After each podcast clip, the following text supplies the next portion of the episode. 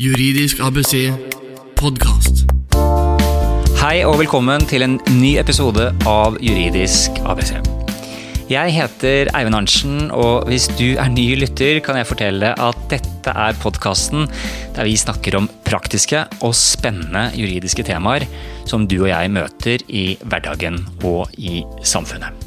Målet med juridisk ABC er at eh, du skal lære om praktisk juss, slik at du lettere kan unngå juridiske feller og rett og slett være bedre rustet til å møte og løse juridiske problemer som du kommer ut for. Og Hvis du har fulgt podkasten en stund, så vet du at det har gått omtrent et halvt år siden siste episode.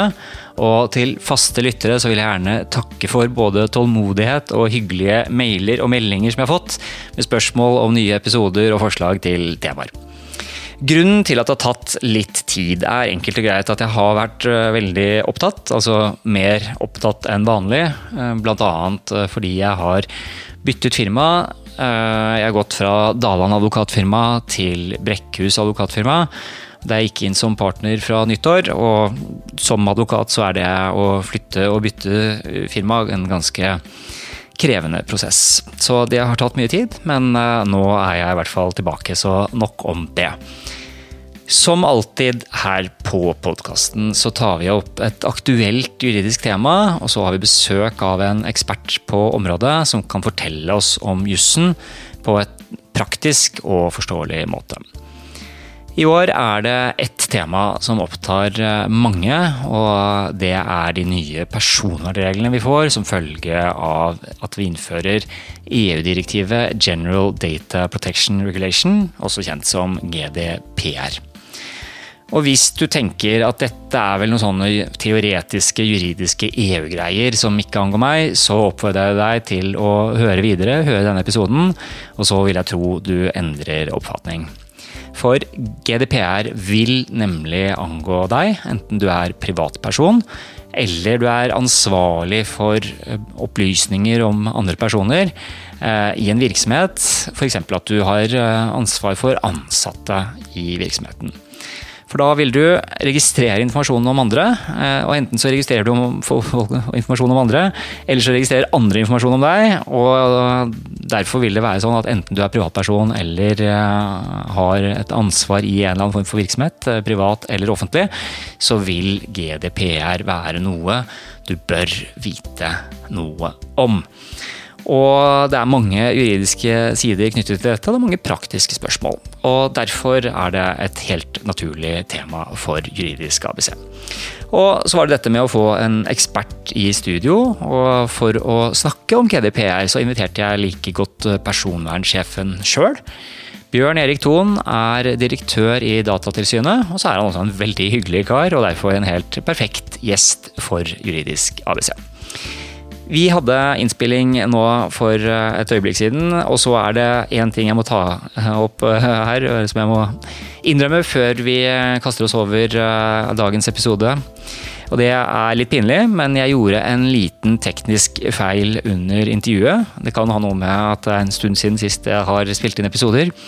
Jeg klarte rett og slett å trykke på feil knapp på den ene opptakeren på begynnelsen av opptaket. Og uten å gå i tekniske detaljer om hva det betyr, så er den praktiske følgen at det er litt dårligere lyd på de første ca. ti minuttene av intervjuet. Men hold ut, det blir mye bedre etter det, og innholdet er uansett eh, veldig viktig og verdifullt, mener jeg, og jeg håper også du tenker det samme. Med det så kjører vi i gang, og vi hopper inn i eh, opptaket jeg har av eh, samtalen med Bjørn Erik, der jeg akkurat har sagt hei og velkommen til Juridisk ABC. Takk skal du ha. Takk skal du ha. Det slo meg eh, da vi gjorde i stand her sånn til opptak i dag, at de fleste virksomheter de er litt redd for å få besøk av tilsynet enten det er eh, Arbeidstilsynet eller Datatilsynet eller hvem det måtte være. Så eh, det er ofte en, en redsel, men i dag er det bare hyggelig å ha deg med. Og vi har gjort klart en god del spørsmål tanke på å få det til å være en praktisk podkastepisode som gjør at først og fremst også ledere, andre som har ansvar for personopplysninger, Eh, kan lære litt og sørge for å implementere gode vaner i virksomheten. Så jeg håper det høres ut som en god plan? Det høres ut som en veldig god plan. Så strålende. Og Da begynner vi egentlig med det enkle. Hva er personopplysninger? Den uh, juridiske definisjonen på personopplysninger er jo alle opplysninger som uh, ja, kan knyttes til en enkeltperson. Uh, det er klart Hvis du skal, må kjøre ekstremt tunge dataprogrammer og sånt for å knytte det til enkeltpersoner, så vil det ikke være det. Men det er eh, veldig mange opplysninger. Eh, det er bilder, det er navn, det er fødselsdatoer og nummer, det er bilskilter, det kan være Facebook-sider, det er helsejournaler, det er ting som ligger i personalsystemer, det er lønn. altså Veldig veldig mye er personopplysninger. Eh, og det vi ser, er jo at mange nok ikke helt vet hva personopplysninger er. Mm. Så spørsmålet ditt er egentlig veldig enkelt, men veldig godt. Eh, for inngangen til eh, hele personopplysningsloven, eh, og nå også forordningen som er rett rundt hjørnet, er jo at det behandles personopplysninger.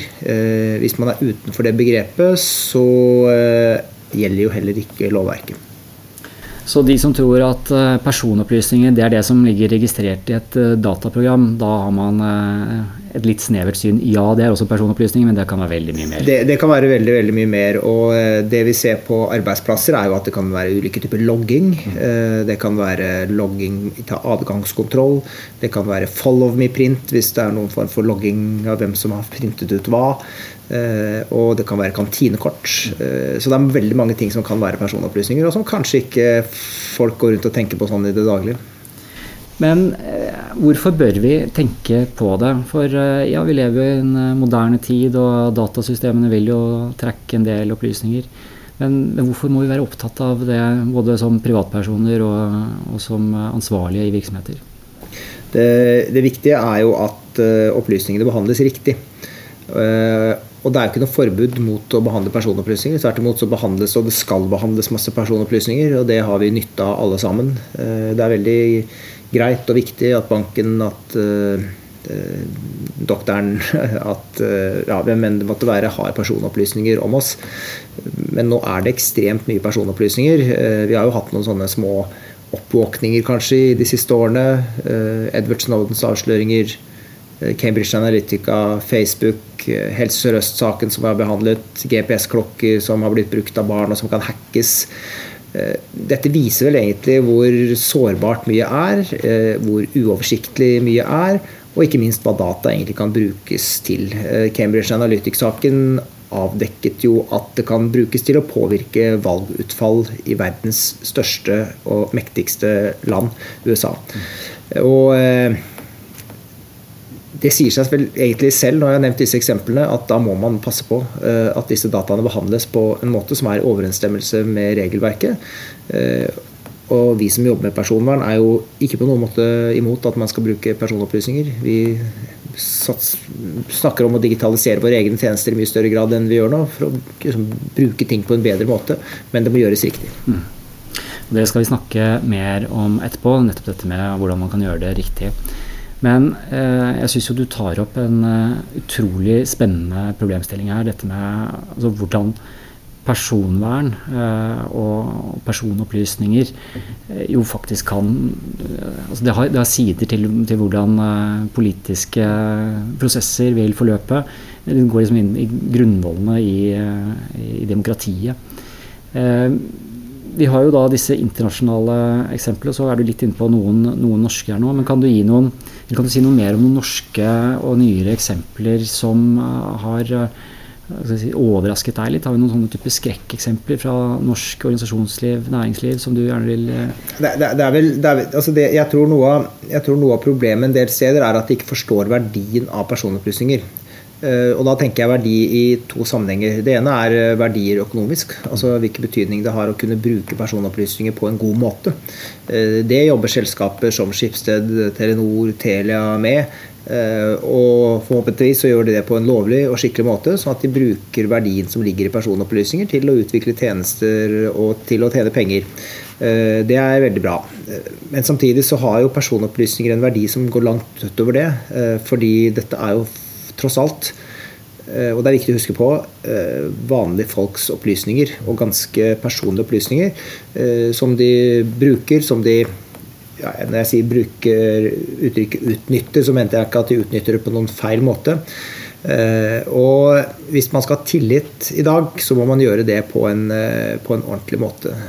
Det er veldig, veldig sentralt. Og den verdien det har å forvalte opplysningen til folk, den tror jeg f.eks. ikke Helse Sør-Øst så når de skulle sette ut driften av sine datasystemer til utlandet og landet på Bulgaria. Mm. En kontrakt verdt 6,9 milliarder kroner Eh, og i disse systemene som Helse Sør-Øst har, så eh, holdt jeg på å si, bor det 2,8 millioner nordmenn eh, i Helse Sør-Øst-området. Så det er over halvparten av Norges befolkning. Veldig svære dimensjoner. Og da snakker jeg ikke om økonomisk verdi, men hva slags verdi det har for folk. Hva slags samfunnsverdi det egentlig er de forvalter, når de har så store opplysninger om ja, nærmest alle som bor i denne regionen. Og sånn kan vi jo gå til område etter område, hvor man forvalter store, store personlige verdier, eller ikke personlige verdier i den forstand, men verdier om livet vårt. Eh, og det tror jeg nok ikke alle ser helt. Eh, jeg ser at det går den veien, at folk forstår at dette er noe som betyr ekstremt mye for mange mennesker. At det kan gå ordentlig galt hvis man begynner å jukse med det. Facebook gikk ned på det meste 12 på børsen når denne saken sto på som det verste. Eh, og for meg har det blitt skal vi si, et eksempel på hvor stor verdi personopplysninger egentlig har, og hva man kan tape hvis man ikke gjør det ordentlig.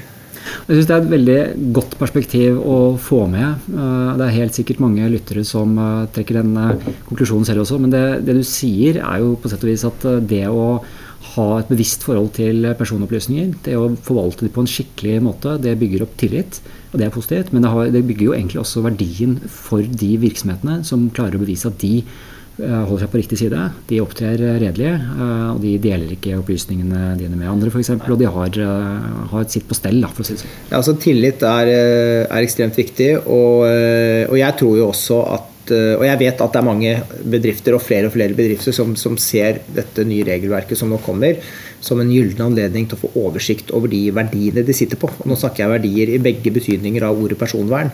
Både den økonomiske verdien, men også den verdien du har faktisk å forvalte uh, de personlige opplysningene til andre, andre mennesker.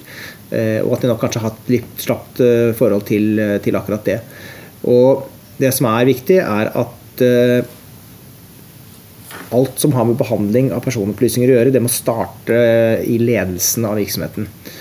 Eh, vi pleier å si det sånn at eh, personvern det er ikke lenger noe som, eh, skal, som man skal drive på med i datarommene. Nå skal man drive på det i styrerommene eller i, hos direktøren eller da hvor det måtte være, helt på toppen.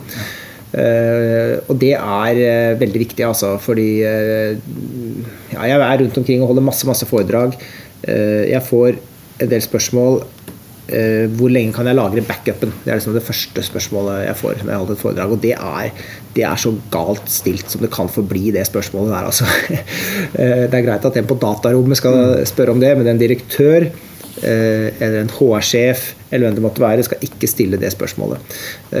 For det kan man svare langt, langt ned i rekka på spørsmål. Men det man skal begynne med, er jo å ha en skikkelig forankret plan for hvordan man skal behandle personopplysninger fastsette verdien av personopplysningene og implementere dette i hele virksomheten. Akkurat som man gjør med miljø i en del bedrifter, som man gjør med HR i mange bedrifter osv. osv. Du hører Juridisk ABC podkast. Dette er veldig spennende. Da har vi eh, fått en litt sånn generell eh, innføring i personopplysninger og hvor viktig det er med personopplysninger. Og alle som eh, hører på skjønner jo nå at dette er noe som skal være høyt oppe på, på eh, agendaen. Eh, men jeg har også lyst til å høre litt mer om Datatilsynet. For, eh, for mange så er det, det er klart at det er en sånn autoritet som er der. Du er direktør for Datatilsynet og har vært det siden 2010. Du har helt sikkert opplevd veldig mye i løpet av de årene og sett en, en stor endring. Selv om det ikke er så mange år, så er det jo liksom, det er, det er noen teknologiske utviklinger som har vært. Men kan du si litt sånn overordnet, hvem er Datatilsynet? Ja, det korte, formelle svaret på det er jo at Datatilsynet er et uh, statlig organ, en statlig myndighet, som fører tilsyn med ja, Personopplysningsloven er jo det viktigste uh, si, loven vi fører tilsyn med. Men vi har også tilsyn med helseregisterloven, pasientjournalloven, uh, helseforskningsloven, politiregisterloven.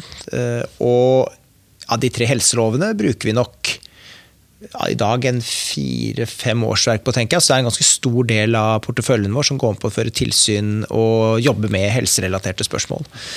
Eh, I tillegg så er vi det som kalles ombud for personvernspørsmål, som betyr at vi er med i debatten om personvern eh, på områder som egentlig ja, springer ut av, av tilsynsvirksomheten vår, ut fra fagkunnskapen vår.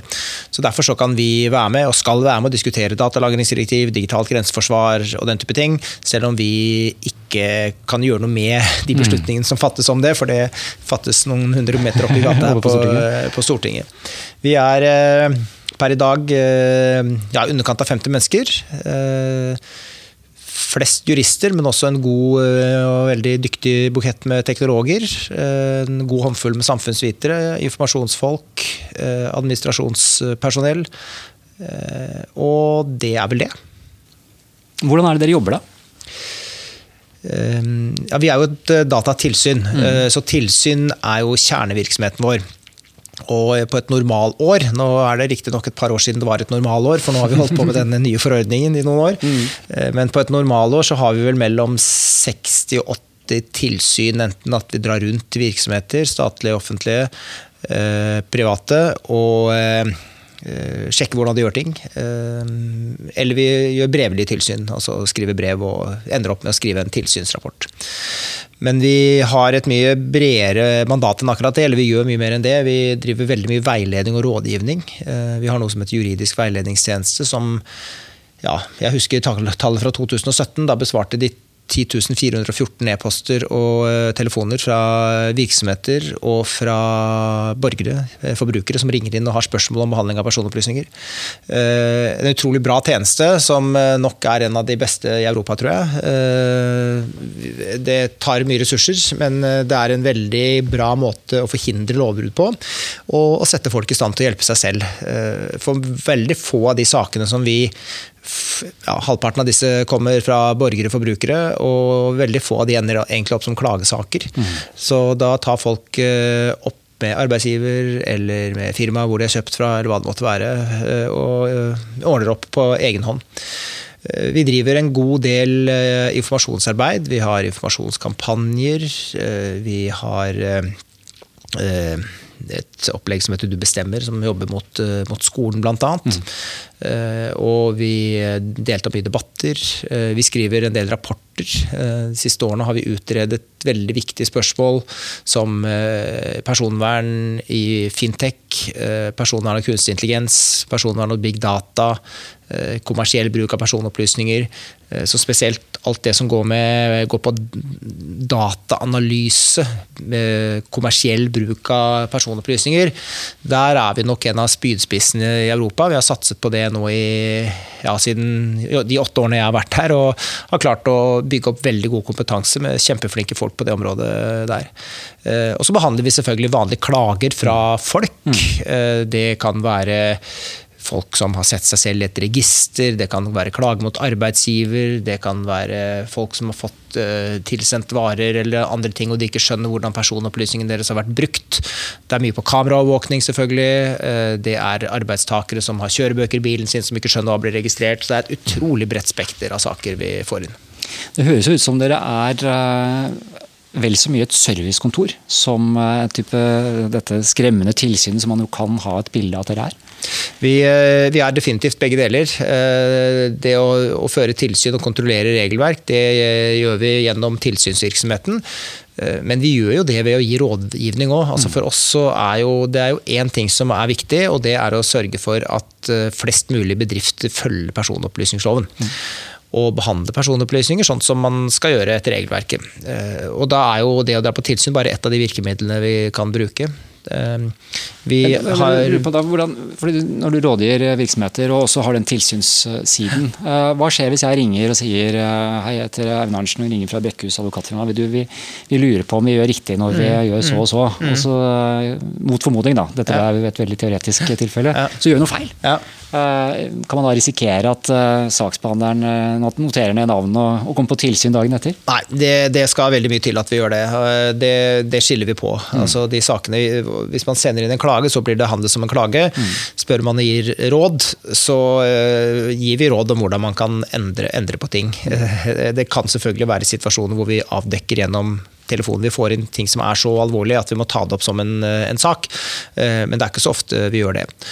Og vi har vridd eh, nå virksomheten vår mer og mer fra ja, i hvert fall de åtte årene jeg har vært der, fra å nok å være mest et strengt tilsyn, eh, til å drive veldig mye service. Drive veldig mye veiledningsarbeid, rådgivningsarbeid. Vi har ja, de siste årene laget ti-tolv veiledere som ja, Hvis man hadde gått til advokater for å få de rådene som vi gir, både på telefon, e-post og ikke minst det vi lager av veiledningsmateriale, så har det vært mange mange millioner kroner. Ja. Eh, og det syns vi har vært en viktig jobb jobb, eh, og vi ser på det som en veldig viktig oppgave for oss. Eh, og vi har jo veldig tett, eh, og jeg vil si sånn i det alt vesentlig, et veldig godt forhold til både offentlige etater som vi jobber med, og med private bedrifter som vi, vi jobber med.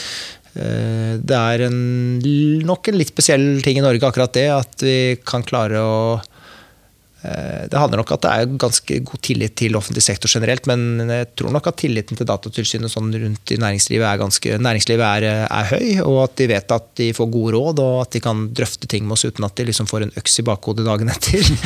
Eh, selv om det skjer, det også. Mm. Men det er det å klare å finne en balanse mellom det å være, bruke pisken og det å bruke gulroten, og det å klappe folk litt på skulderen og be de gå tilbake og prøve en gang til og komme tilbake. Ja, for Dere har jo en pisk, og dere har jo svingt den noen ganger. Um, og kan du bare helt kort, Vi skal ikke bruke veldig mye tid på dette, men kan du si litt om sanksjonene dere har? Hva dere har i verktøykassa hvis dere finner ting som er ille? Eh, I dag så kan vi utstede overtredelsesgebyrer på maks 10 G, mm. som vel er nå 930 000-40 000 kroner eller der omkring. Eh, nå kommer jo det nye personvernregelverket nå i løpet av noen måneder bare. Mm. Eh, ny pisk. Og, hmm. og, blir ny og, da blir det ny pisk, og den, den, blir mye større. Nå er det jo snakk om 4 av eh, global omsetning på de mest alvorlige lovbruddene. Og da snakker vi selvfølgelig om helt, helt andre størrelser enn det som er tilfellet i dag. Uh, nå er det ikke dette noe som kommer til å skje sånn over natten. Uh, og, men det som en, det blir spennende å følge utviklingen på det. fordi dette er jo et regelverk som nå kommer som er helt likt i hele Europa. Og det betyr at vi også skal praktisere bøter likt. Og vi vet at noen datatilsyn kanskje er litt mer aggressive, og det er deres policy, så jeg kritiserer dem ikke for det, enn det vi har vært her, hvor vi kanskje har lagt oss på en ja, en linje hvor vi, altså vi har skrevet ut overtredelsesgebyr for mange millioner kroner i fjor, eh, men, eh, men, hvor kanskje vi ser at det finnes andre måter å, å jobbe på som gir like god eller bedre regelverksetterlevelse. Eh, men at vi kan bli liksom dratt med på et sånt veldig tungt sanksjonsregime. Fordi noen land er veldig hissige på å bruke den muligheten. Da. Uh, og det er nok ikke noe som jeg er sånn veldig happy for, egentlig. Uh, men uh, den nasjonale muligheten for å påvirke er jo også stor. Så veldig søvnløs blir jeg ikke pga. det. Og jeg ser jo også at det er viktig å bruke tunge sanksjoner i de alvorlige sakene. nettopp fordi personvern har fått den enorme verdien de har i samfunnet i dag. Og da skal det koste å bryte regelverket. Eh, på konkurranseområdet har de jo hatt kjempebøter i årevis. Det har jo vært i mange titalls millioner kroner. Eh, og når lovgiver nå har besluttet at man skal bruke de samme sanksjonene, eller i hvert fall kan utstede sanksjoner i samme størrelsesorden på personvernområdet, så sier jo noe om, det, om den politiske oppgraderingen, da, for å bruke et sånt uttrykk, som personopplysninger har fått.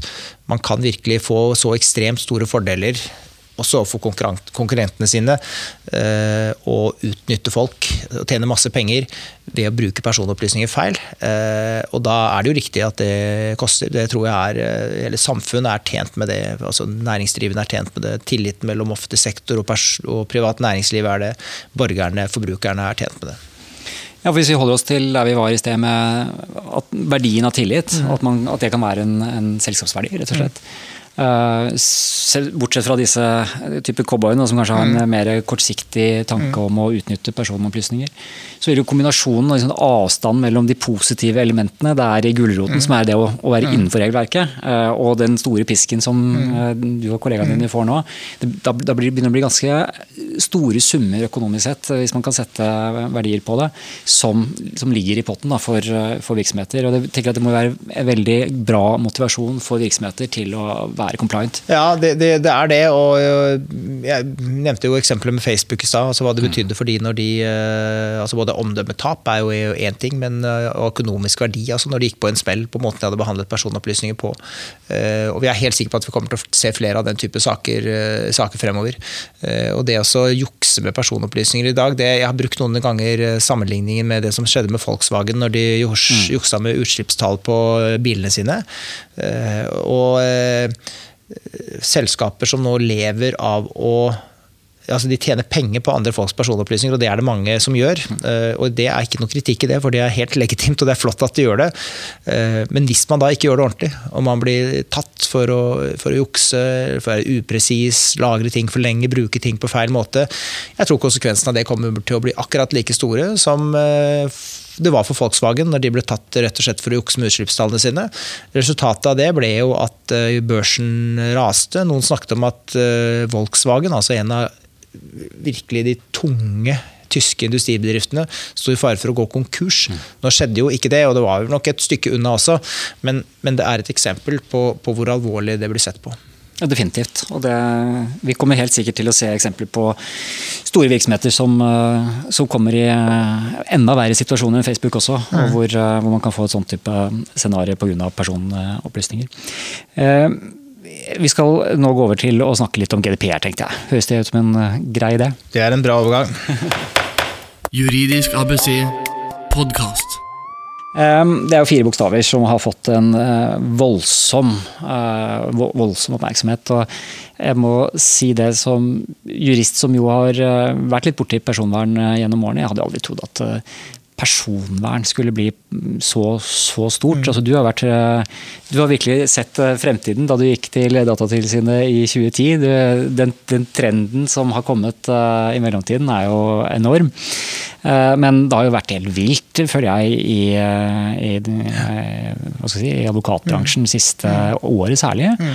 Uh, og det er mange problemstillinger der. Hva, hvis vi skal ta liksom, de aller viktigste tingene, de lavthengende fruktene for eh, virksomheter som nå har hørt såpass langt uti, og som, som skjønner at dette her er noe de må, må, må passe på. Her må vi være compliant. Mm. Og så er det jo dette at det er en forordring, eh, en, en EU-lov som kommer, eh, og som da skal implementeres. Og så vet jeg at akkurat nå så er det litt sånn spørsmål om blir det, blir det 25. mai eller 1. juli. Det, jeg tenker at det er, det er liksom ett spørsmål. Det viktigste er jo liksom, hva, gjør man, hva gjør man fremover? Mm. Mm. Og de som ikke har våknet ennå, hva, hva er det de aller viktigste å ta tak i for å sørge for at man har orden i sysakene før dere kom på tilsyn? Eh, dette regelverket har jo to sånne hovedpilarer. Mm. Eh, det ene er at det legger eh, nye plikter på virksomhetene sine. Nei, på, på, nye plikter på virksomhetene. Og det andre er at de gir borgerne og forbrukerne bedre rettigheter. Men for at man skal kunne klare å oppfylle de to der, så er det liksom et sånt stort utgangspunkt, og det er det vi snakket litt om tidligere, nemlig det at det er ledelsen i virksomheten som må si at dette regelverket skal vi følge. Dette er viktig. Eh, vi skal gjøre det for ikke å bryte loven, men vi skal også gjøre det for å tjene penger. Mm. Eh, så de signalene som kommer fra toppen, er eh, helt avgjørende for om dette blir en suksess eller ikke. Eh, når det gjelder de mer sånn eh, grepene man bør ta, og hvor man bør begynne mer operativt eh, For det første er jo en strategisk beslutning, som jeg nevnte nå. Men det første man bør begynne med, er sånn som vi pleier å gi råd, å skaffe en oversikt over behandlingene man gjør. Det betyr hva slags data er det egentlig jeg har om kundene mine, eller om de ansatte, eller hvem nå enn måtte være. Eh, for det er egentlig utgangspunkt for eh, alt eh, annet i dette regelverket. Det er utgangspunkt for eh, rettighetene til brukerne, det er, eller forbrukerne. Det er utgangspunkt for eh, god personvernpolicy, det er utgangspunkt for å gjøre gode, trygge vurderinger, som vi kan sikkert snakke litt om etterpå. Så det å lage den oversikten, og vi la ut en mal for det på hjemmesiden vår nå ja, bare for et par dager siden, kan gjøres enkelt ved et bruke et Excel-skjema mm. med kolonner bortover, hvor man begynner å skrive opp hva slags opplysning er dette. Hvorfor har jeg den? Hvor lenge kan jeg lagre den? Eller skal jeg lagre den? Hva skal jeg gjøre med det etter at jeg har slettet den? Skal jeg slette den helt, eller hva skal jeg gjøre? Hva er hjemmelen min for å sitte med denne her sånn? Eh, hva skal jeg gjøre hvis noen ber om innsyn i denne opplysningen? Mm. Så man begynner å verdifastselge og, og, og, lage oversikter. Og så kan man bygge på andre ting etter hvert. F.eks. hva slags verdi er det denne personopplysningen her egentlig har? Har den en stor verdi? Har den en liten verdi? Eh, og da er det veldig stor forskjell på om den personopplysningen heter eh, Follow me print på printeren. Mm -hmm. Vi har en liten minnebrikke, setter den bortpå, og så får jeg bare ut mine utskrifter. Den logger vel så å si ingenting hos oss. Mm. Det er check. Det gjør vi ingenting med. Den kan være akkurat som den er. Mm -hmm. I andre sammenhenger så kan det være helseopplysninger. Eh, det kan være advarsler gitt til ansatte som ikke har gjort jobben sin. Eh, det kan være legeerklæringer som er sendt inn i forbindelse med sykemeldinger. Det kan være mange mange ting. Eh, da må man gjøre akkurat den samme øvelsen. Hvorfor har jeg det? Hvor lenge skal jeg sitte med det? Hva skal jeg gjøre med det når det er slettet? Er det både fysiske ting og elektroniske ting? så at jeg må dobbelt, Er det backup-problematikken i dette? her sånn? Og hva slags verdi har det? Og hvis du får høyt verdiscore, altså dette har stor økonomisk økonomisk verdi, velferdsmessig verdi, stor sensitivitet, må man kanskje oppvare det på en annen måte. Behandle det på en spesielt vis. Så den der oversikten er viktig. Eh, og jeg tror veldig, veldig mange får en Eller jeg vet at veldig mange har fått seg en ordentlig oppvåkning når de har sett den oversikten. Mm. Vi er jo lite, en liten arbeidsplass. Vi er under, ja, rett under 50 mennesker, som sagt. Mm. Eh, vi eh, har jo en hjemmeside, vi har en blogg, vi har et nyhetsbrev, vi har et saksbehandlingssystem, vi har brannmurer, vi har dører Vi har, vi har en del sånn mm. forskjellige ting, selvfølgelig. Og jeg husker ikke akkurat hvor mange hvor mange kalde steder da, eh, vi behandlet personopplysninger om enten de som leser i nettsiden vår, de som får brev av oss, eller de som jobber i Datatilsynet. Men det var oppimot 50 forskjellige behandlinger som vi gjør på, i stort og smått. Det er grupper, da? Altså nettsider? Ja, vi gikk gjennom hver enkelt av det. ikke sant? og Bare på IT-siden. Ja. Mye sikkerhetsting som vi har hos oss, selvfølgelig. Kanskje litt mer enn det de fleste andre har, fordi vi er tross alt et datatilsyn som også jobber veldig mye med sikkerhet. Mm. Uh, brannmur, hva ligger i en brannmur, uh, f.eks.? Bare på IT må dere sikkert ha 50 forskjellige typer ja, data? eller mange, mer? For, mange forskjellige. Så det er, så det er, men det var en veldig, og, det, og for lille Datatilsynet, da kan man tenke seg seg hvordan dette er for bedrifter med 20 000 kunder, eller med 1000 kunder for den saks skyld, mm. eller diger bedrift med store kundelister og, og, hva det måtte være. Men den oversikten er egentlig utgangspunktet for alt annet man gjør med personopplysningene. Hvor detaljert skal man da være? Eh, fordi Potensielt så kan det være tusenvis av punkter. Mm. Eh, jeg tenker at Det må jo være det med å ha, se liksom, gruppe ja, da. Man kan selvfølgelig gruppere. Eh, og nå eksemplifiserte, jeg dette kanskje litt for detaljert, men man kan operere med, med ulike typer grupper. Eh, men det er veldig vanskelig å gi en sånn helt generelt råd om det, fordi at de dataene man eh, de dataene man har, de, eh, de, varierer så veldig fra firma til firma og fra sektor til eh, sektor. Til sektor.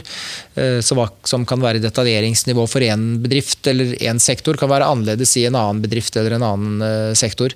Så, men i dette, denne veiledningen som vi nettopp ga ut, det kan være et veldig godt sted for virksomheter mm. å begynne å lese. For der har, vi, ja, der har vi laget en ganske ja, en omfattende veileder, men veldig enkel å lese. Og vi har som sagt lagt ut to maler som man egentlig bare kan begynne å fylle inn. Mm. Der er det vel en eh, ja, ta dette med en klype salt, en seks-sju obligatoriske felter, og så er det vel omtrent det samme med, med, frivillige. Og Der må man også gjøre en vurdering. ikke sant? Hva slags virksomhet har jeg? Har jeg spesiell type data som gjør at jeg må være ekstra varsom, eller har jeg en øh, liste over kunder som jeg har solgt et eller annet produkt til de siste 20 årene? Mm. Uh, bør kanskje se hvor lenge man skal lagre ting, hvis man har tatt vare på det i 20 år. Men for mange virksomheter så er jo ikke dette så innmari komplisert heller. Det, det er ikke så veldig kompliserte data de sitter med, og ikke så veldig personlige data, kanskje. og og de bruker det ikke så veldig mye.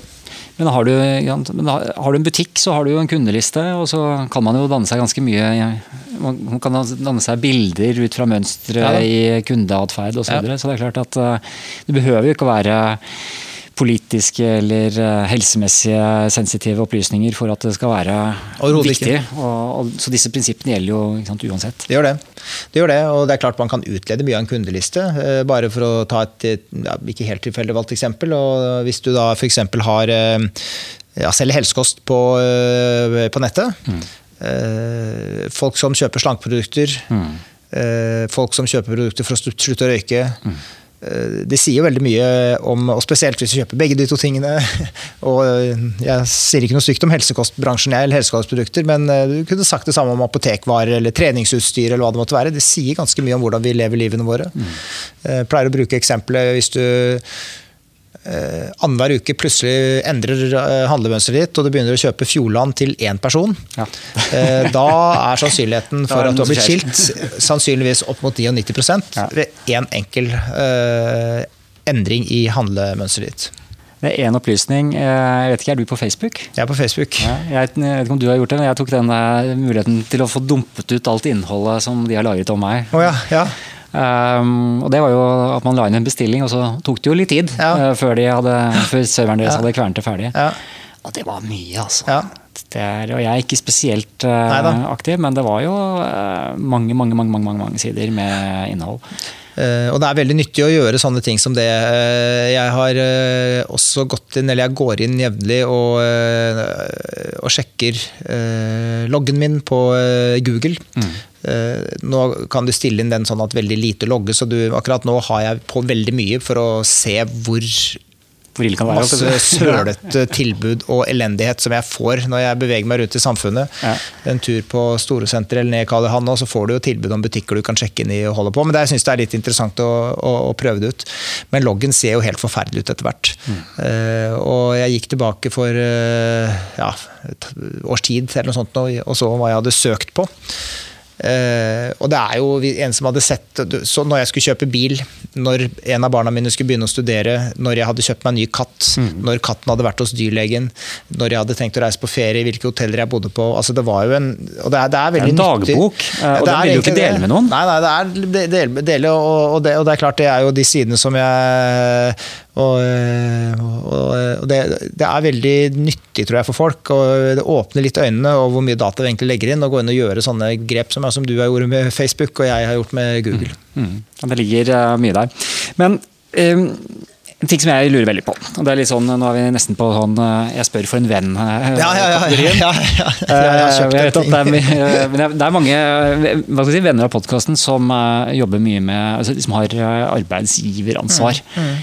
Og klassiker er jo personalmappen. Mm. Eh, jeg har holdt en del kurs eh, om disse tingene og sagt at, i hvert fall tidligere sagt at mm. Datatilsynet sier at man kan oppbevare ting på personalmappen mm. så lenge det er nødvendig. Ja. Og så er det litt opp til virksomheten selv å ja. ta den vurderingen. At det mm. er eh, f.eks. For i forhold til sykefraværshistorikk så kan det være nødvendig. For det handler om å Først så skal man ja. dokumentere at man har en oppfølging, oppfølgingsplaner og den type ting. og Det handler om å se, se ting over tid. Det kan være ansvar for virksomheten hvis det viser seg at det har vært noe med altså, man er utsatt for kjemikalier eller belastninger, mm. hva det måtte være. Mm. Uh, en annen kategori er jo advarsler, mm. uh, og så har du jo ting som arbeidsavtaler og sånne ting. Hva kan, hva kan, dere si om eh, det? Eller hva er policyen for Datatilsynet nå fremover under GDPR? Det, det, det, er, det, virker som de rådene du har gitt har vært de riktige rådene. Eh, for vi, eh, vi, vi, ser at dette varierer veldig. altså Hvor lenge ting er relevant, det er ofte det kriteriet man, man henger det på. Relevant og nødvendig. Mm. Og det kan variere veldig. Det kan variere fra virksomhet til virksomhet, fra arbeidsoppgave til arbeidsoppgave. Det fins arbeidsoppgaver, og vi har vel også hatt saker på det personvernnemnda, tror jeg hvor det har vært eh, spesielt eh, ja, arbeid som utsetter ikke arbeidstakeren selv for fare, men typisk oljeinstallasjoner, man opererer farlig utstyr, så kan det forsvare at man også ta vare på ting lenger enn det man ville gjort hvis det var en kontorarbeider eller en leder i Datatilsynet som tross alt er begrenset for hvor mye gærent kan gjøre. eller en advokat, for den saks skyld. Nei, da bør det slettes ganske så raskt. Så, så det blir vurderinger, og, og vi, og det, det som vil si litt hvordan vi praktiserer disse reglene. fordi eh, både når det gjelder Spesielt det med relevans og nødvendighet, så vil jo utgangspunktet for vår vurdering også være de vurderingene som virksomheten selv har gjort. Mm. Eh, vi går inn og prøver, overprøver, og vi har også gjort det i saker med eh, personalmapper og lagring av mm. opplysninger i personalmappe. Men noen av de har vel også blitt overprøvet av Personvernnemnda. Men utgangspunktet vårt når vi er på et tilsyn, eller vi eh, åpner en sak mot et selskap, eller tar opp en sak med et selskap, er jo å lytte til hva selskapet selv sier eh, om deres eh, behov. Og det er jo en, en terskel for at vi går inn og overprøver det og sier nei, dette har faktisk ikke deres bransje, fordi vi ser ikke på dette som så farlig som dere gjør. Det er en terskel for at vi, at vi gjør det. Og Tilsvarende også gjelder når vi er på tilsyn og finner en del avvik, som vi jo gjør i veldig fleste tilfeller. Eh, så ber vi om en fremdriftsplan eh, for å lukke avvikene. Eh, vi forstår jo at ikke det er noe som nødvendigvis kan gjøres i løpet av en natt eller en uke eller et halvt år for den saks skyld. Mange ganger så krever det store omlegginger av systemer, betydelige kostnader. Og vi legger ofte fremdriftsplanen til virksomheten til grunn, uten at vi legger sånn voldsomt mye arbeid. Nå høres det kanskje litt sånn latskap ut, men det er, er ikke det. Men, men, vi legger ofte det, det, til grunn og tenker at ok, dette virker fornuftig og skikkelig. Eh, det samme gjelder risikovurderinger som et selskap har gjort. Eh, at vi går inn og overprøver en risikovurdering og sier at nei, her har dere vurdert risikoen feil. Det er ikke så veldig ofte vi gjør det. Eh, og Grunnen er jo nettopp fordi at hver enkelt bransje kjenner sin egen risiko best. Hver egen bedrift kjenner sin risiko best. Vi er et tilsyn med under 50 ansatte. og har god bransjekunnskap, eh, men langt unna den bransjekunnskapen som bransjene selv har, selvfølgelig. Så man kan stole på at det er en, det er en fornuftig tilnærming dere har. og det, det, det, høres ut for meg er der hvor du har, du har liksom disse klare si, misbrukssituasjonene hvor man mm. sitter med ting som er det, det, sier seg selv at dette her har du ikke noe behov for å ta vare på. Eh, da, da vil det sikkert være grunn til å, å gripe inn. Hvis du har en, en gjennomtenkt Eh, policy ja. Eh, og en fornuftig forklaring, så, så, høres det ut som dere er litt tilbakeholdne med å altså, sensurere. Gode, gode vurderinger er, er, veldig viktig. Og, og jeg syns den saken som vi snakket om for litt siden, om Helse Sør-Øst, mm. er, er, veldig illustrerende, egentlig. Fordi der kommer vi til uh, i vårt foreløpige vedtak. Uh, unnskyld, i vårt varsel til vedtak. Nå er ikke de endelige rapportene de er, vel, ja, de er vel nesten på vei ut nå, så det er ikke lenge til de er ferdige. Uh, men i de foreløpige rapportene våre så konkluderte vi jo med at vurderingene ikke var gode nok. Og vi vurderte det slik at de hadde rigget hele systemet sånn at det var umulig for ledelsen å følge det opp på en skikkelig måte. De kunne ikke drive det som heter sikkerhetsledelse, som vi kaller det. Mm. Og når du har et så svært produkt, så er det ledelsen som må følge dette prosjektet for at det går i havn og går sånn som det skal. Eh, og vurderingene var jo knyttet til, i dette tilfellet, mye til Bulgaria. Mm. Og det er slett ikke umulig at Helse Sør-Øst kan sette bort driften av sine systemer til Bulgaria. Og Det kan godt hende at det blir utfallet av denne saken. Men det må vurderes. Det på, det må vurderes. Mm. Uh, og Der gikk vi inn og så på vurderingene, og vi fant at de holdt ikke mål. Mm. Uh, og vi så at uh, selve sikkerhetsorganisasjonen var rigget på en måte som gjorde at det ikke var mulig å kontrollere den ordentlig. Og det har jo vist etterkant at det har jo deres egne rapporter vist også at det ikke var godt nok. Så da går vi og ser på liksom måten de har gjort, gjort ting på. Eh, og Så kan det godt hende at resultatet blir akkurat det samme, eh, men da har man trygghet på at det har vært gjort riktig. Eh, så Den saken er ganske illustrerende for hvordan vi jobber i andre saker også. Hadde vi kommet til Helse Sør-Øst og sett at her hadde de gjort skikkelig grundig gode vurderinger. De hadde rigget en solid sikkerhetsorganisasjon, men de hadde endt opp med at Bulgaria var greit. Mm. Så skal det en god del til at Datatilsynet sier at nei, Bulgaria det får dere ikke lov til å bruke. Mm. Dette er veldig nyttig. jeg har lyst til å stille et annet praktisk spørsmål. Jeg vet at dere har et nyhetsbrev mm. som jeg abonnerer på. Ja. så jeg er en av mange som dere da behandler personopplysninger om. I tillegg så var jeg inne på siden de har en sånn funksjonalitetsforbedringsundersøkelse, som sikkert også har en del noen kuker og noen greier. Eh, for å ta nyhetsbrev. Eh, mange har jo det, og mange har, eh, altså jeg har mange tusen mm. på juridisk ABCs mm. liste. Hva gjør man nå med GDPR? Det er mange som, mange som lurer på hvordan vi skal håndtere de e-postene. For da er det jo gitt samtykke eller registrert under gammelt mm. regime, og så kommer det nå strengere regler med GDPR. Hva gjør vi nå? Det, det, kan jo alltid, nå som det nye regelverket kommer, så kan det å gjøre en ny risikovurdering være en god ting. Vi er jo en Datatilsynet er en ganske krevende kunde. Eh, vi har, eh, vi har, nok satt noen grå hår i hodet på, si andre enn ikke bare meg, men på, på, leverandører. på, leverandører. Eh, for vi har sagt at vi, vi, vi, vil ikke ha med altså Vi vil ikke ha cookies, vi vil ikke ha IP-adresse. Altså vi vil ikke vite noen ting om de som er inne og besøker våre nettsteder. Mm. Og i den grad det må registreres, for noen ganger ting, ting må registreres, så skal det slettes umiddelbart. Så de risikovurderingene vi har gjort der, men har vært grundig tror jeg jeg kan si. Mm. Men samtidig så det, det fins cookies på hjemmesiden. Uh, unnskyld, det plasseres cookies også når man besøker våre eh, flater, altså blogg og andre ting, men, men det er da innenfor det som er, eh, er, er lovlig. Da. Men vi vet også at de selskapene som har levert oss, har jo også sett at dette er ting som vi kan selge til andre, og det er bra. Uh, når det gjelder akkurat det konkrete du spør om med, med samtykker, og, og ja, vi kan jo bruke nyhetsbrev som et eksempel, så vi får mange spørsmål om det, om samtykker som er gitt allerede nei, unnskyld, om de kan videreføres. Eh, og hvis det samtykket som i sin tid ble gitt, eh, oppfyller personvernforordningen som kommer, så trenger man ikke å innhente et nytt samtykke. Eh, så man må gå tilbake og se på de gamle samtykkene sine og se om de står seg etter ny lov, nytt lovverk. Og hvis de gjør det, så trenger man ikke å innhente et nytt samtykke. Men jeg tror nok det er en del som har funnet ut at de ikke har et samtykke som dekker. Jeg tror I dag har jeg fått to stykker fra eh, For jeg også syns nyhetsbrev er, svært interessant å lese. Mm. Og en fin måte å få informasjon om, i hvert fall de som jeg er interessert i. og Det er vel kanskje titalls eller noe sånt. Mm. Uh, men uh, da har jeg blitt bedt om å få nye samtykker. Uh, unnskyld, å gi nytt samtykke. Mm. Og jeg syns det er veldig interessant. Jeg sparer litt på de. Mm. Og jeg må si altså at de jeg har fått nå, har vært veldig gode. Der har det vært et, gjort et skikkelig arbeid med å forklare uten lange, kompliserte tekster hvorfor de registrerer e-postadressen min, eh, hvorfor de vil ha meg med som leser videre, eh, og at jeg kan si ja eller nei til å være med. Og jeg tror at de nyhetsbrevene som jeg har fått så langt, de har jeg takket ja til. Mm. Og jeg har også tenkt at dette er et selskaper som, eller konferanser, det har vært ulike ting, organisasjoner, som har skjønt dette med personvern på en enkel, fin måte som samtykke til et nyhetsbrev er. Og bare for å ta med det, eh, Samtykke det skal da være eh, klart og informert. Eh, det er noen, ja, krav til altså at forventningen ja. og leveringen henger sammen.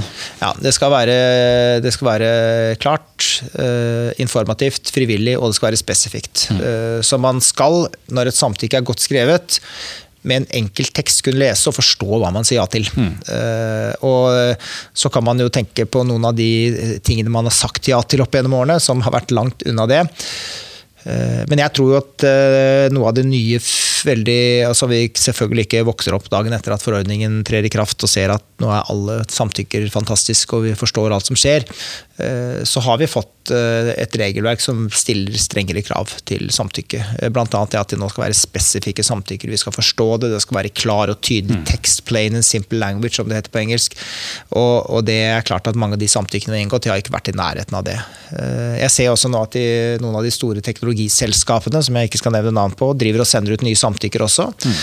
Det sier jo litt. hm? Det sier jo en del. Det, det sier en del, og noen av de har vært atskillig mer forståelig enn det som har vært tidligere. Altså. Du har fått større valgmuligheter så, til, å, til, å, si nei. Eh, og, og jeg syns jo dette viser at, eh, at, vi går nye tider i møte med personvern, for personvernet. Ikke sånn å forstå at ikke, at vi sporer tilbake tiden på noe vis, for det tror jeg ingen ønsker at vi skal gjøre. Men vi skal få bedre kontroll over dataene våre. Mm. Eh, samtykke har jo en side til eh, det som kalles legitim interesse. og nå begynner det å bli litt juridiske, mm. men, men, det er også et behandlingsgrunnlag. At mm. man har en legitim interesse mm. i å behandle noen personopplysninger. og det er da noe annet enn en samtykke. og hvis man holder seg på nettsider, nettsider, så vil jo mange nettsider vil jo prosessere en del uh, gjennom cookies og, og annet. Uh, hvor tenker du liksom, hvor, hvor, går grensen der sånn? Uh, jeg husker For et par år siden så var det jo mange virksomheter som veldig gjerne ville bli compliant. og Man fikk disse radene, disse barene øverst på nettsider. Man måtte akseptere cookies for å kunne være inne på nettsiden deres. Noen, noen, har det, noen har det ikke. Uh, og jeg tror det er mye forvirring på hva som er innenfor og utenfor. Hva, hva man må ha samtykke til, og hva som er legitim interesse. Mm. Har dere, dere har sikkert jobbet mye med det. Er det noen enkle råd man kan gi? Nei, Det er vanskelig å gi noen enkle råd, for det, for det er jo som du sier forskjellige behandlingsgrunnlag. Uh, altså Det vanligste behandlingsgrunnlaget i dag er vel egentlig kontrakt. Altså at du mm. skriver under en kontrakt. Mm. Uh, og i de fleste tilfeller så vil jo det være nok. de fleste håper, tjenester hvor du ikke samles inn andre opplysninger enn det du normalt må forvente. Om du skriver inn en kontoavtale i en bank eller uh, går til fastlegen din, eller noe sånt, og så er det ofte bare et eksplisitt uh, Unnskyld, nå sier jeg feil. Et implisitt samtykke. Ja, ja, ja. Uh, og, og i, i, veldig mange av de avtalene du inngår, så vil det bare være kontrakten som regulerer det. og. Da må du lese der, og, og, så er det greit. Og så er det jo de andre situasjonene som er litt mer sånn spesielle, med samtykker. ikke sant? Du går kanskje litt utover det. Det er ikke sånn at du, hvis du er på en konferanse, skal motta et nyhetsbrev da må du samtykke til det. Eh, eller at du har vært på en visning et sted og får samtykke til å få reklame fra eiendomsmegleren. Eh, og det siste er jo dette med legitim interesse, interesseavveiningen, som er vanskelige spørsmål uh, å gi enkle råd om. Mm. Uh, vi, vi, har vel også, nå husker jeg ikke farten om vi har lagt ut noe veiledning på det på hjemmesiden vår, uh, men det er saker som ofte må, må løses helt, helt, konkret, hvor vi ser liksom på det ene og så ser på det, ser på det andre. Så, så jeg har ikke noe Eh, jeg har ikke noen sånn krystallklare gode råd å gi på det, og noe av dette er såpass juridisk vanskelig at det ligger nok litt sånn utenfor det jeg i det daglige beskjeftiger meg med på jobben min, rett og slett. Men det, og det, det jeg tenker er at det er vel fornuftig å gå tilbake til de gode rådene du ga, de generelle rådene, eh, om å foreta disse forsvarlighetsvurderingene. Se mm. på, mm. se på Vi jurister ser jo gjerne også på liksom, hva er hensynet bak reglene. og det er jo et det, jo, det, har ikke vi snakket om, men sånn som jeg forstår det, så altså hele hensynet bak GDPR er jo å sette enkeltindividet i fokus på en mm. helt annen måte. og Da mm. må, må virksomheten også ta det eh, perspektivet inn over seg når de behandler dette på et ja. uh, høyt og ansvarlig nivå i virksomheten. Ja. Kundeperspektiv er jo annerledes nå enn før. Eh, eller forbrukerperspektivet, da, som jeg egentlig syns det er best å kalle det. For når jeg begynte å jobbe med personvern for åtte år siden, så i hvert fall sånn på fulltid, så mm. var jo ikke det var ingen som snakket om forbrukere med personvern. Altså Hvis du sa det, da var det ingen som forsto hva du mente. Da var det den registrerte. Og det var noe litt sånn høyverdig over personopplysninger, så man skulle ikke tusle til liksom forbruker som var noe sånn enkle, enkle. Men dette handler jo altså dette Personvern handler jo nå om mannen i gata. Det handler om deg og meg. Det handler om våre helseopplysninger, våre abonnementsopplysninger, eh, ting som registreres som livene våre på sosiale nettsamfunn. Ofte fordi vi vil det sjøl, og helt frivillig. Eh, men dette har jo blitt spørsmål som nå i aller høyeste grad angår hvert enkelt menneske. Mm. Eh, og, i en helt annen grad enn før. Jeg forstår for så vidt for åtte år siden at var, da var verden helt annerledes. Da var sosiale nettsamfunn helt i startfasen, og, og vi var vel på VB 1.0 eller hvor langt mm. opp vi hadde kommet. Kanskje 2.0, jeg husker ikke disse benevnelsene lenger. jeg mener, husker at du jobbet mye med eh, vilkårene til iTunes, men ja. jeg lurer på om det var eh, før eller etter du begynte i Datatilsynet? Nei, det var, det, var før. det var før. Ja. Det var før. Så, men, men, det er klart at det har vært en, en voldsom voldsom utvikling, som vi, som vi, var inne på. Eh, hva er de største personvernsfallgruvene fremover, tror du? Jeg Eh, litt sånn illustrerende. Jeg hørte på, på en lydbok nå mm. som heter 'Crushing It' med Gary Vaynerchuk. Den ligger eh, på toppen av eh, New York Times eh, sin liste. Eh, og det siste jeg hørte før eh, jeg kom inn her og skulle ha samtale med deg i dag, var eh, hvor han forteller om liksom, hvor fantastisk det er blitt med Alexa. Mm -hmm. Og han anbefaler folk å ha Alexa på badet. Sånn at du bare kan si Alexa, husk, å, husk at jeg må kjøpe mer tannkrem. Ja, ja, akkurat. Og jeg tenker ja, i sånn teknologiperspektiv så er jo det Det er jo litt sånn fremtidsvisjonen som var da jeg var liten, i hvert fall. Mm. Et sånt veldig smart hjem liksom visste hvor mye melk du hadde igjen i kjøleskapet. Mm og, du kunne bare snakke til på do. Mm. Det var kanskje ikke akkurat det jeg tenkte på da, men, men det er jo et eh, aspekt. Men, men, det er jo noen enorme personvernsutfordringer som ligger i alt dette. Hvor, hvor skal det ende, og hvordan, hvordan ser du for deg liksom, deres rolle og de utfordringene som ligger foran dere i, i de perspektivene fremover? Ehm, nå, nå vil nok Uh, altså Forordningen er jo et tidsskille, virkelig. Uh, nå er det regelverket vi har i dag, uh, 18 år gammelt. Eh, personopplysning kom i, personopplysningsloven kom i 2000. Eh, ikke et veldig gammelt regelverk, egentlig, eh, men på vårt område helt utdatert, selvfølgelig. Men samtidig så har det gått sånn noenlunde. Mm. Det har liksom ikke gått helt gærent med et gammelt regelverk. Og når vi nå får et helt modernisert og nytt regelverk, masse nye plikter, masse nye rettigheter, bedre sanksjonssoner, så tror jeg nok vi kommer til å se at Eh, at, ting beveger seg i riktig retning. Eh, det er jeg helt overbevist om at kommer til å skje, faktisk. Eh, og så jeg tror nok det, altså det, er vanskelig å peke på liksom eller to sånne helt store utfordringer, men jeg, jeg tror vel det med, det med, det med den, for den enkelte å klare å holde oversikt over data og bevare tilliten til at det blir behandlet skikkelig, det, det blir spennende å følge fremover. Eh, for det er fryktelig vanskelig å, å holde oversikt. Mm. Jeg håper og tror også at folk kommer til å, å være litt mer bevisst fremover hva de bruker data til. For uansett hvor god informasjon man får og, og, og hva det måtte være, så er jo det å bruke dumme tjenester til, ting som folk kanskje bør tenke seg litt mer om. Da. Altså, se på denne Cambridge Analytica-saken. Det var en eller annen tullapp som uh, gjorde innsamlingen av de fleste av disse dataene. Uh, og hvem har ikke tatt uh, tester av typen hva slags hund mm. ville jeg vært, eller hvilket land burde jeg vært innbygger av? som genererer masse personopplysninger, og som egentlig bare er tullball. Altså, det er sikkert god underholdning, og jeg har gjort det sjøl, mm. men, men man må huske på at det genererer, eh, genererer data.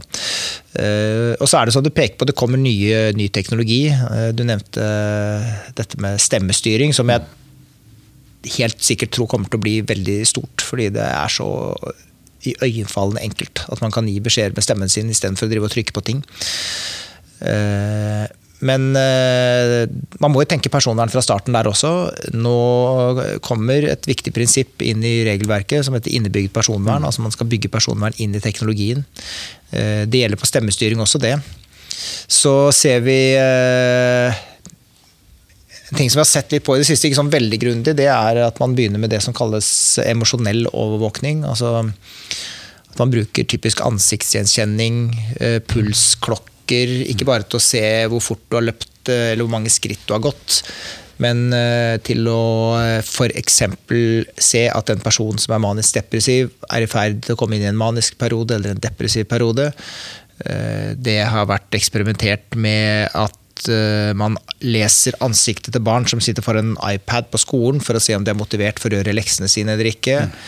Eh, det er eh, også sånn at Facebook nå vet jeg ikke hvor, den har nok ikke vært veldig rullet ut, men har hatt noe som kalles en sånn uh, suicide alert. Hvor de går inn og ser, analyserer og ser folk som da er i fare, har et, et atferdsmønster. Det kan være ting de har søkt på, likt altså hva vet jeg, hvor steder de har vært. Hvor de har en profil som indikerer at de Eh, heller har blitt profilert som potensielle selvmordskandidater. Mm. Og at de da har blitt kontaktet av eh, Facebook, er det vel, og spurt er du sikker på at du ikke skal søke psykolog, eller noe sånt som det. Det er jo en måte å bruke teknologi på som kan være bra, men som også kan være helt forferdelig. Mm. Og Spesielt hvis vi tiltror et selskap som Facebook en sånn rolle som det. Der vil det være å spore fullstendig, ja, sånn eh, sånn som jeg ser det. Eh, men det er nok, også er nok en, en teknologi som kanskje vil komme mer etter hvert. At de ikke bare leser hva vi gjør og kan analysere forbruksmønstre og sånn, for det klarer de godt allerede, men også lese emosjonene våre ved ulike typer unnskyld, altså ansiktsavlesningsteknologi eh, eller pulsmåling og, og kroppsnær teknologi. Da. Eh, så det er mange utfordringer som kommer. Eh, men det er fryktelig vanskelig å vite hva som slår til eller ikke. fordi jeg har liksom holdt på å jobbe sånn i grenseflaten samfunn, teknologi så mange år eh, at eh, jeg tror alle som har gjort det, har blitt overrasket over noe som virker kjempebra, som ikke blir noe bra, og så er det noe som eh, ingen tenkte på at skulle bli noe særlig greier, og så blir det svært. SMS er et eksempel på det siste. Mm. Det var ingen som trodde at SMS skulle bli noe svært, så det gjemte man langt bak i menyen på mobiltelefon. Eh, jeg tror første gangen jeg sendte en tekstmelding til kona mi, var i London i november, nei, desember 2000. Eh, da hadde vi akkurat fått eh, vårt andre barn, og vi satt på en restaurant fordi de andre skulle på fest, og vi hadde med oss ungen vår. Og så sa jeg til Monica nå skal jeg sende en tekstmelding til deg. Jeg tror det tok 20 sekunder eller 30 sekunder før jeg klarte å finne fram. Så hvor, hvor, var den? Hvor var den det var, ikke, var ikke en app? For langt, inn, langt, langt inne i menyen på en gammel var vel en Samsung-telefon eller et eller annet sånt noe. Ja. Og det var virkelig magi altså, når vi fikk til det greiene der. Eh, men det var ingen som trodde at det skulle bli svært. Nei, men det var bare 140 karakterer. Det, du kan jo... Ja, så, og nå er det... Så har du Twitter, da, som jo ja. var av det samme? Ja, ja, og jeg tenkte, så på tallene fra hva som skjer i løpet av et minutt på internett, uh, som kommer sånn ved jevne mellomrom. Og det er fortsatt uh, vel, ble, vel sett, sendt uh, Av hvor mange tekstmeldinger var det? 15 Nei, nå har jeg glemt tallet, men det er fortsatt veldig veldig mange tekstmeldinger som sendes, faktisk. Ja, Det er, tror jeg ikke er noe tvil om. om datamengden Jeg har hørt noe om at den totale datamengden i verden Nei. dobles hvert år, så ja. dere blir vel ikke arbeidsledige med det første. Du har lyst til å stille, Vi skal ta og avrunde snart. Jeg vet at du er eh, veldig eh, presset på tid eh, for tiden. Men vi har vært litt inne på at mange av disse eksemplene er jo amerikanske. Vi har jo Facebook selvfølgelig, og så mm. har vi snakket om Google. Mm. Eh, så har vi Apple var mer i det da, i din, din, karriere før i Datatilsynet, men, men, Amazon er jo også et av de store mm. selskapene som har, har Alexa, blant annet. Um, og så er det et prinsipp uh, som heter European Rules on European Soil. Mm. Uh, hvordan, hvordan, er deres mandat i Datatilsynet opp mot disse selskapene? Du var inne på det innledningsvis med 4 mm. av global omsetning. Uh, hva kan dere gjøre hvis man får nye, store skandaler hvor vi, vi alle bruker jo amerikanske ja. selskapers løsninger? Ehm, der er jo eh, europeisk samarbeid en nøkkel. Mm. Ehm, vi ehm, altså det lages helt nye organer eh, når det nye regelverket kommer, bl.a. noe som heter Personvernrådet.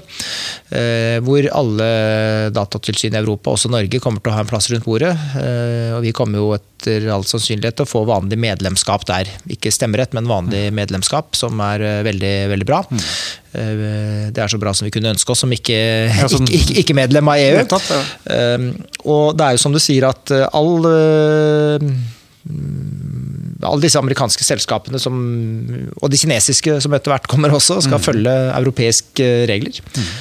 Men jeg ser vel ikke for meg at Norge sånn på egen hånd eh, kommer til å kjøre en sak mot Facebook. Mm. Eh, men jeg tror det kommer til å bli mange saker mot de store selskapene som Datatilsynene kjører sammen. Eh, denne Cambridge Analytica-saken og mm. Facebook-saken som nå har herjet i noen måneder, den eh, er det jo eh, Storbritannia som har ansvar for.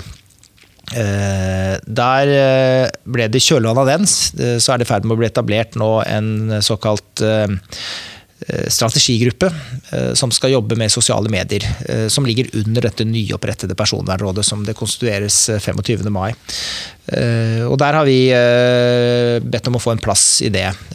Så vi er absolutt innstilt på å spille en aktiv rolle i noen utvalgte prosesser. Og akkurat når det gjelder dataanalyse ja, kommersiell utnyttelse, kommersiell overvåkning, så er vi helt i spiss i Europa. Vi kan masse om det, vi har utrolig kompetente mennesker. Og eh, ja, En av de er i Brussel i dag, på et møte.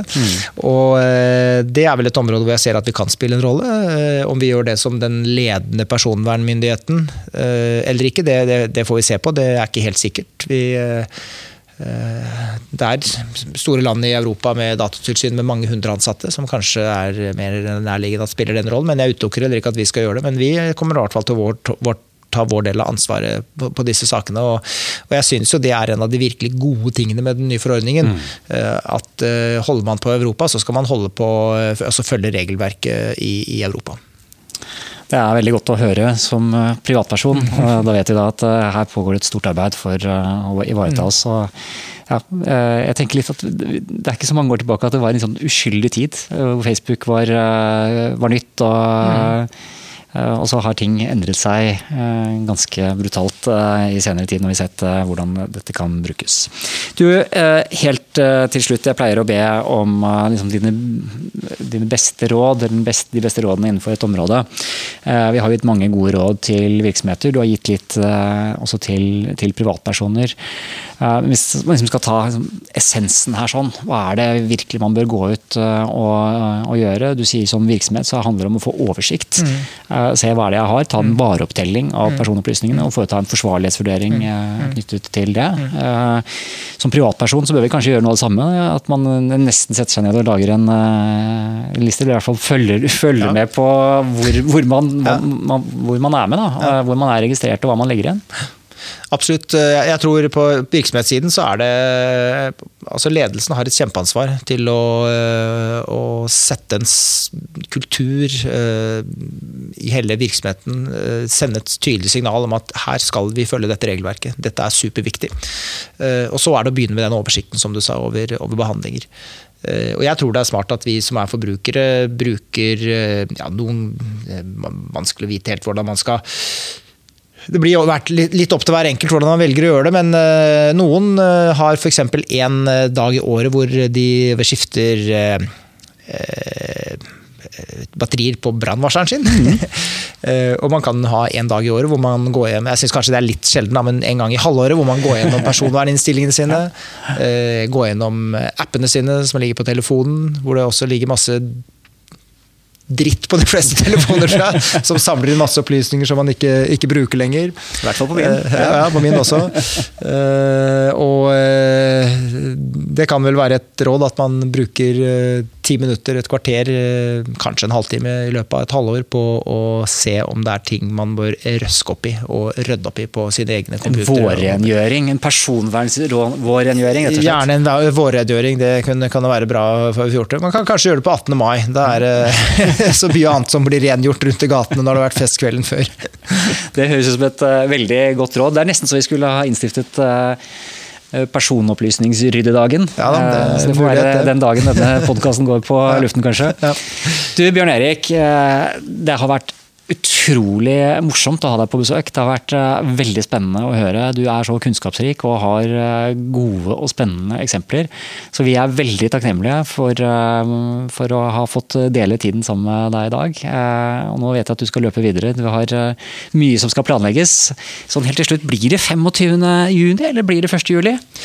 Nå har Justisdepartementet for ca. to timer siden lagt ut offisiell informasjon.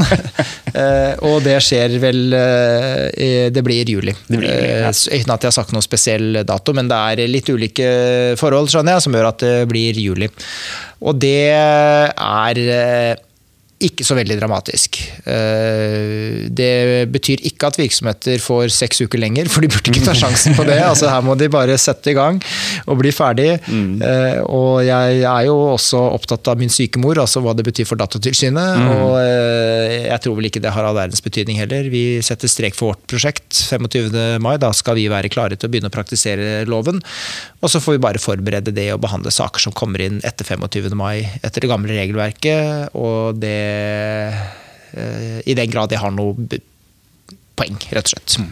Jeg har forstått som at uh, Datatilsynet i England de uh, har planer om å komme swinging out of the gates og ta og sette noen eksempler umiddelbart. Men vi, vi, vi, slipper i hvert fall å, å tenke på det i, i mai-juni. da. og så kan vi håpe at dere tar sommerferie, så hvis det er noen som ligger litt etter, så får de sørge for å implementere alle de gode rådene du har kommet med nå. men når høsten kommer, så vil jeg tro at da er det fullt operativt og fokus fra deres side. Absolutt. Fra høsten er det, er det, er operativt, er det operativt, og, og vi, vi uh, har ikke bestemt uh, hvordan vi skal jobbe det første halvåret. Vi kommer til å vedta virksomhetsplanen vår, eller arbeidsplanen vår for andre halvår blir vel vedtatt uh, internt i andre halvdel av juni. Og vi kommer til å føre tilsyn helt sikkert i høsten som kommer, men vi kommer også til å vente og se hva som egentlig treffer oss. Eh, det er mange som skal ha godkjent bransjenormene sine. Vi kommer til å få hundrevis av avvik som skal håndteres. Eh, vi kommer til å få masse forhåndsdrøftelser. Eh, og den, den delen av Datatilsynets virksomhet er også viktig. Eh, og jeg varsler ikke tunge tilsyn de første månedene, men det kan komme. Så den som lever, får se. Eh, og, Vi skal leve i spenning. Eh, man får leve i spenning. Igjen, Bjørn Erik, tusen, tusen, tusen takk for at du kom. Lykke til med arbeidet til høsten, og i mellomtiden så ønsker jeg deg en riktig god sommer. og Håper at dere får, alle i Datatilsynet får en velfortjent ferie. Takk skal du ha, Eivind. Alltid hyggelig. Alltid Takk hyggelig. Ok, ha det. Du hører Juridisk ABC podkast. Det var dagens episode av Juridisk ABC. Jeg håper du syns det var like spennende som jeg syns det var. Jeg syns det var helt fantastisk godt å få en del klare, praktiske tilbakemeldinger fra Bjørn Erik. Selv om det er klart at GDPR er et stort område, så tror jeg vi alle lærte litt i dagens episode. Hvis du syns dette var en eh, interessant og verdifull episode, så spør jeg som alltid pent om en liten tjeneste tilbake. Har du mulighet til å gå inn på iTunes og gi en ærlig tilbakemelding av hva du syns om podkasten, så setter jeg veldig stor pris på det. For helt ærlig, hadde det ikke vært for alle de fantastiske tilbakemeldingene jeg har fått på iTunes, så tror jeg ikke denne podkasten hadde eksistert lenger. Jeg tror den hadde vært lagt ned for lenge siden. Det er liksom det som blir drivkraften, fordi det bidrar til at flere oppdager podkasten, og at eh, podkasten vokser. Og nå begynner det å bli eh, såpass mange som hører på Juridisk ABC, at eh, det er godt grunnlag for flere episoder framover. Så veldig glad hvis du gir en tilbakemelding på iTunes. Ellers så er det jo selvfølgelig alltid mulig å sende meg en mail eh, eller en melding. Du finner Juridisk ABC på Facebook. Jeg er på Twitter, heter Eivind Arntzen, og eh, du kan selvfølgelig også sende en e-post, gjerne til postkrøllalfa.juridiskabc.no. Og med det så ønsker jeg deg en fortsatt strålende dag og så høres vi snart. Ha det bra. Du har hørt Juridisk ABC podkast. For mer informasjon om dagens tema, se juridiskabc.no. Her finner du flere podkaster og artikler innen arbeidsrett, eiendomsrett, familierett og temaer for deg som driver egen virksomhet. Meld deg på vårt nyhetsbrev på juridiskabc.no. Produsert av Øystein Weibel og Kanonlyd. Kaboom!